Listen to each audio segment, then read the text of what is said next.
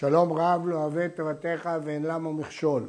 הרמב"ם, משנה תורה, ספר זרעים, הלכות שמיטה ויובל, פרק שני. לא יוציא אדם זבלים מחצרו וייתן בתוך שדהו בשביעית, מפני שנראה כמזבל שדהו, מפני שנראה כמזבל שדהו, כדי שתהיה יפה לזריעה. ואם הוציא והעמיד ממנו אשפה, מותר. ולא יעשה אשפה בתוך שדהו עד שיעבור הזמן שמזבלים בו לעבודת הארץ, והוא משיקשר המתיק. הפרק שלנו עוסק בשני איסורים מרכזיים שקשורים לתיקון השדה, מלאכות שאסורות מדי רבנן, ומדובר פה בשתי פעולות עיקריות, זיבול וסיכול. אדם מוציא זבלים לשדה, אם זה זיבול הקרקע, זו פעולה המכשירה את הקרקע לזריעה והיא אסורה.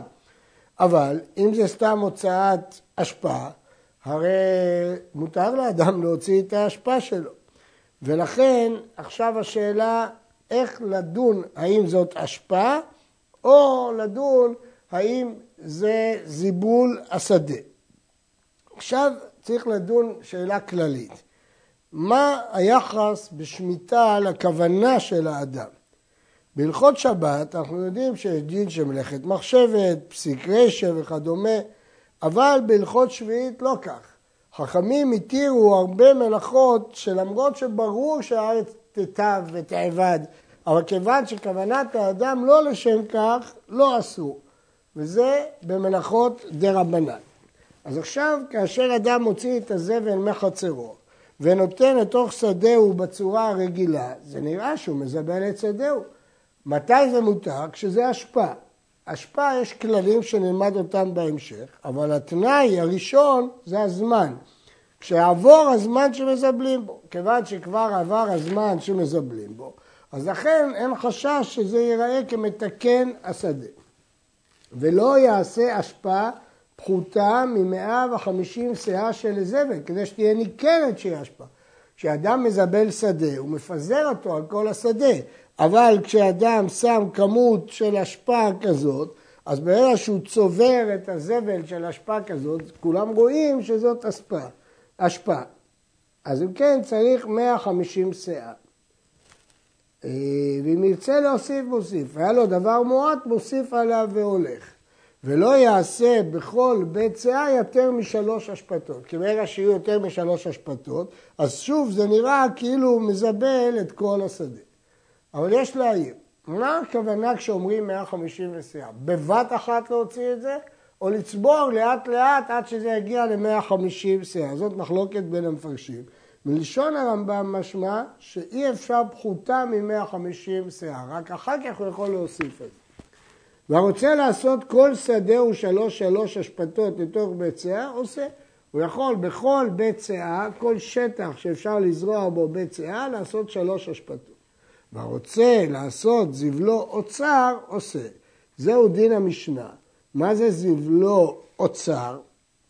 יש אומרים שהכוונה לאחד את כל הערימות לערימה אחת גדולה. ויש אומרים שזה אוסף זבל לסחורה, שניכר שהוא עושה את זה לסחורה. היה מעמיד הזבל על הסלע, אז לא, זה לא מזבל את האדמה. או שהעמיק בארץ שלושה טפחים והרים את הזבל, עשה את הערימה על עומק של שלושה טפחים. או שבנה על הארץ גובה שלושה והעמיד על הזבל, אינו צריך שיעור. כי כאן כולם רואים שזה לא מזבל את השדה. או שזה על הסלע, או שזה בתוך בור, או שזה בגובה של בניין. אפילו עשה כן כמה השפתות הרבה יציאה, בין גדולות, בין קטנות, מותר. שהרי הדבר ניכר שאינן לעבודת הארץ אלא לכניסת הזבל. אם כן ראינו שהבעיה העיקרית פה, מה נראה. אם זה לא נראה, אז אין לנו מה לחשוש. מותר לאדם להוציא זבל מן הסהר של צאן, מקום קיבוץ הצאן היה בצורה של סהר, ונותן לתוך שדהו כדרך כל מכניסי זבל. והעושה דיר בתוך שדהו, מכניס את צונו לשדה, בשביעית, לא יעשהו יתר על בית צעתיים, שזה חמישים אמה על מאה אמה, בערך דונם ורבע היום. ויכניס הצאן לתוכו, וכשיזבלו את כל הדיר, מניח דופן אחד מדופני הדיר, ועושה דיר אחר בצידו, נמצא מזבל בתוך שדה ובית ארבע עצים. כלומר, אנחנו דורשים ממנו להכניס את כל הצאן לשטח מצומצם, כדי שלא נראה שהוא מפזר את הצאן בשדה כדי לזבל את כל השדה. מה זה שטח מצומצם? בצעתיים. אבל אחר כך הוא יכול להוציא דופן אחת ולעשות עוד בצעתיים. בסך הכל הוא יכול לזבל ארבעה צעים. זה בשדה גדולה. הייתה כל שדה ובית ארבעה צעים, משייר ממנה מקצת מפני מראית העין, כדי שידעו הכל שהצאן הטילו בה מנדרה, ולא יאמרו זיבק כל שדה ובשביעית. נכון שהטלנו לו ארבעה צעים, אבל זה בשדה גדולה. אבל אם כל גודל השדה יהיה ארבעה צעים, אז כאן יגידו שהוא זיבל את השדה ולכן הוא צריך לשייר. הרמב"ן חולק אה, על דברי הרמב"ם ומפרש באופן אחר. אה, הרמב"ם אה, נטל את המשפט האחרון של המשנה, מוציא מן השר לתוך, ונותן את עוזר דרך הזבלים והופך את זה למשפט הראשון. במה דברים אמורים? הרמב"ם בפירוש המשנה מסביר שההיתר לעשות דיר בתוך שדה הוא אפילו אם הוא מתכוון שעל ידי כך תזדבל ותיטב. איזה כולה בזיבול על ידי בעלי חיים. ולכן רק צריך שזה יהיה ניכר על ידי בעלי חיים. אבל הרייבד, וכמותו גם הראש והגרם, טוענים שכל ההיתר במשנה הוא רק כאשר האדם אינו מתכוון לזיבול, אלא מעמיד את הצאן בשדה על מנת לגזוז אותם או לחלוב, והתנאי של בית צעתיים הוא סימן שאינו מתכוון לזיבול. ולכן מה שכתוב במשנה מוציא מן השר ונותן לתוך שדה, ולפי הרמב"ם זה ההיתר של זיבול. אבל לדעת הרמב"ם, אחרי שהצאן עשו את צורכיהם, על האדם להוציא את הזבל מן השדה החוצה. ויש גם באורים אחרים להבין את דברי הרמב"ם. לא יפתח אדם מחצב. עד, עד הלכה זו דיברנו על זיבול, עכשיו נדבר על סיכול אבנים.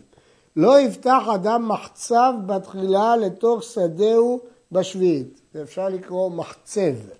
מחצב זה לבנות מחצבה, לחצוב ממנו אבנים. שמא יאמרו, לתקן שדה הוא מתכוון, שעושים ממנו הסלע. אמנם הוא מתכוון לקחת אבנים, הוא רוצה מחצבה לייצר אבנים, אבל אנשים שרואים, רואים שהוא מסכל את השדה. ואם התחיל מקודם שביעית, ופיצל ממנו שבע ועשרים אבנים בריבוע שלוש על שלוש על רום שלוש, כל אבן מהר, אמה על אמה, ברום אמה גדולות מזה, הרי זה מותר לנקר ממנו בשביעית כל שירצה. אם הוא התחיל לפני השביעית, והוא הראה לנו שזה מחצבה, שהוא צריך את האבנים לבניין, איך אנחנו יודעים? יש פה שיעור שרואים 27 אבנים, שלוש על שלוש ברום שלוש, כל אבן אמה על אמה ברום אמה, אלה אבנים גדולות, ברור שזה סוג של מחצבה והיא לא עשויה לתיקון השדה. גדר של אבנים, שיש בגובהו עשרה טפחים או יותר, ורצה ליטול כל אבניו, הוא זקוק לאבנים. היו בו עשר אבנים או יותר, כל אחת מהן מסוי שניים או גדולות מזו, הרי זה נוטל. שהרועה יודע שלצורך האבנים הוא נוטל. כיוון שהוא נטל הרבה אבנים, ואבנים גדולות, מבינים שהוא זקוק לאבנים, כי הן ראויות לבניין. היה פחות מעשרה, גדר נמוכה, או שהיו בו פחות מעשר אבנים, או שאבניו קטנות ממסוי שניים שניים. אז כאן לא ניכר שהוא לוקח את זה לבניין, וייתכן שאנשים יחשבו שהוא רוצה להכשיר את הקרקע לזריעה, כי סיכול זה חלק מהכשרת הקרקע. אז לכן נוטל עד שיניח טפח סמוך לארץ. אסור לו ליטול עד הארץ כי זה ראה כהכשרת הקרקע לזריעה, צריך להשאיר טפח אחד. במה דברים אמורים? בשנתכוון לתקן שדהו, והתחיל ליטול בשביעית, אבל אם לא נתכוון לתקן שדהו, או שהתחיל מקודם שביעית, נוטל בשביעית כל מה שיצא מכל מקום וגודר עד לארץ. אם הוא לא התכוון לתקן את שדהו, אלא רק לקחת אבנים. או אם הוא לוקח משדה חברו, או אם הוא התחיל לפני שביעית, אז ברור שזה לא תיקון השדה, ולכן אין מגבלה כמה אבנים ייקח. אבנים שראויים שתזעזע אותם המחרשה. כלומר, אבנים שלא תקועות עמוד בקרקע ואינן גדולות, המחרשה יכולה לזעזע אותן. או שהיו מכוסות ונתגלו, אם יש בהם שתיים של מסוי שניים שניים, הרי זה מותר ליטול אותם, כי זה נראה שהוא זקוק לאבני בניין. היו קטנות מזה, לא יינטלו, כי זה לא נראה כאבני בניין, אלא כתיקון השדה. המסכל שדהו בשביעית מפני שהוא צריך לאבנים, שאמרנו שזה מותר, נוטל את העליונות ומניח את הנוגעות בארץ, כדי שלא ייראה כמתקן קרקע. וכן אם היה לו בשדהו גרגש של צרורות, מפרש הרמב"ם בפירוש המשנה, ערימה של אבנים קטנות, או גל של אבנים, נוטל את העליונות ומניח את הנוגעות בארץ. ואם יש תחתיהם סלע או קש, יטפל את כולם, כי ברור שהוא לא הכשיר את הקרקע לזריעה, ולכן אין בעיה לקחת את כולם. לא ימלא אדם גיא עפר, או יתקנו בעפר, פני שהוא מתקן את הארץ. יש בו תעלה בתוך השדה והוא ממלא את העפר, זה ברור שזה סוג של הכשרת קרקע, אישור הקרקע. אבל עושה הוא חיץ על פי הגיא. וכל אבן שיכול לפשוט את ידו ולתלה והוא עומד על שפת הגיא, הרי זאת תינתן. אם יש אבן שהוא יכול לפשוט את ידה ולתלה, אז מותר לו ליטול אותה. כך מפרש אה, הרמב"ם. הראב"ד חולק לחלוטין, ואומר שפירוש המשנה הוא שונה לגמרי. ונראה במה מחלוקת הראב"ד והרמב"ם. הראב"ד הבין שהמשנה עוסקת בשדה שיש בה שיפועים, ואדם רוצה לעשות בה טרסות, מדרגות, ואז יש, אה, זה תיקון השדה, אז המשנה אוסרת את זאת, אבל היא מתירה לעשות חיץ של אבנים, מדרגות של אבנים, בלי עפר וטיט. וזה המשנה מתירה. הרמב"ם פירש באופן אחר.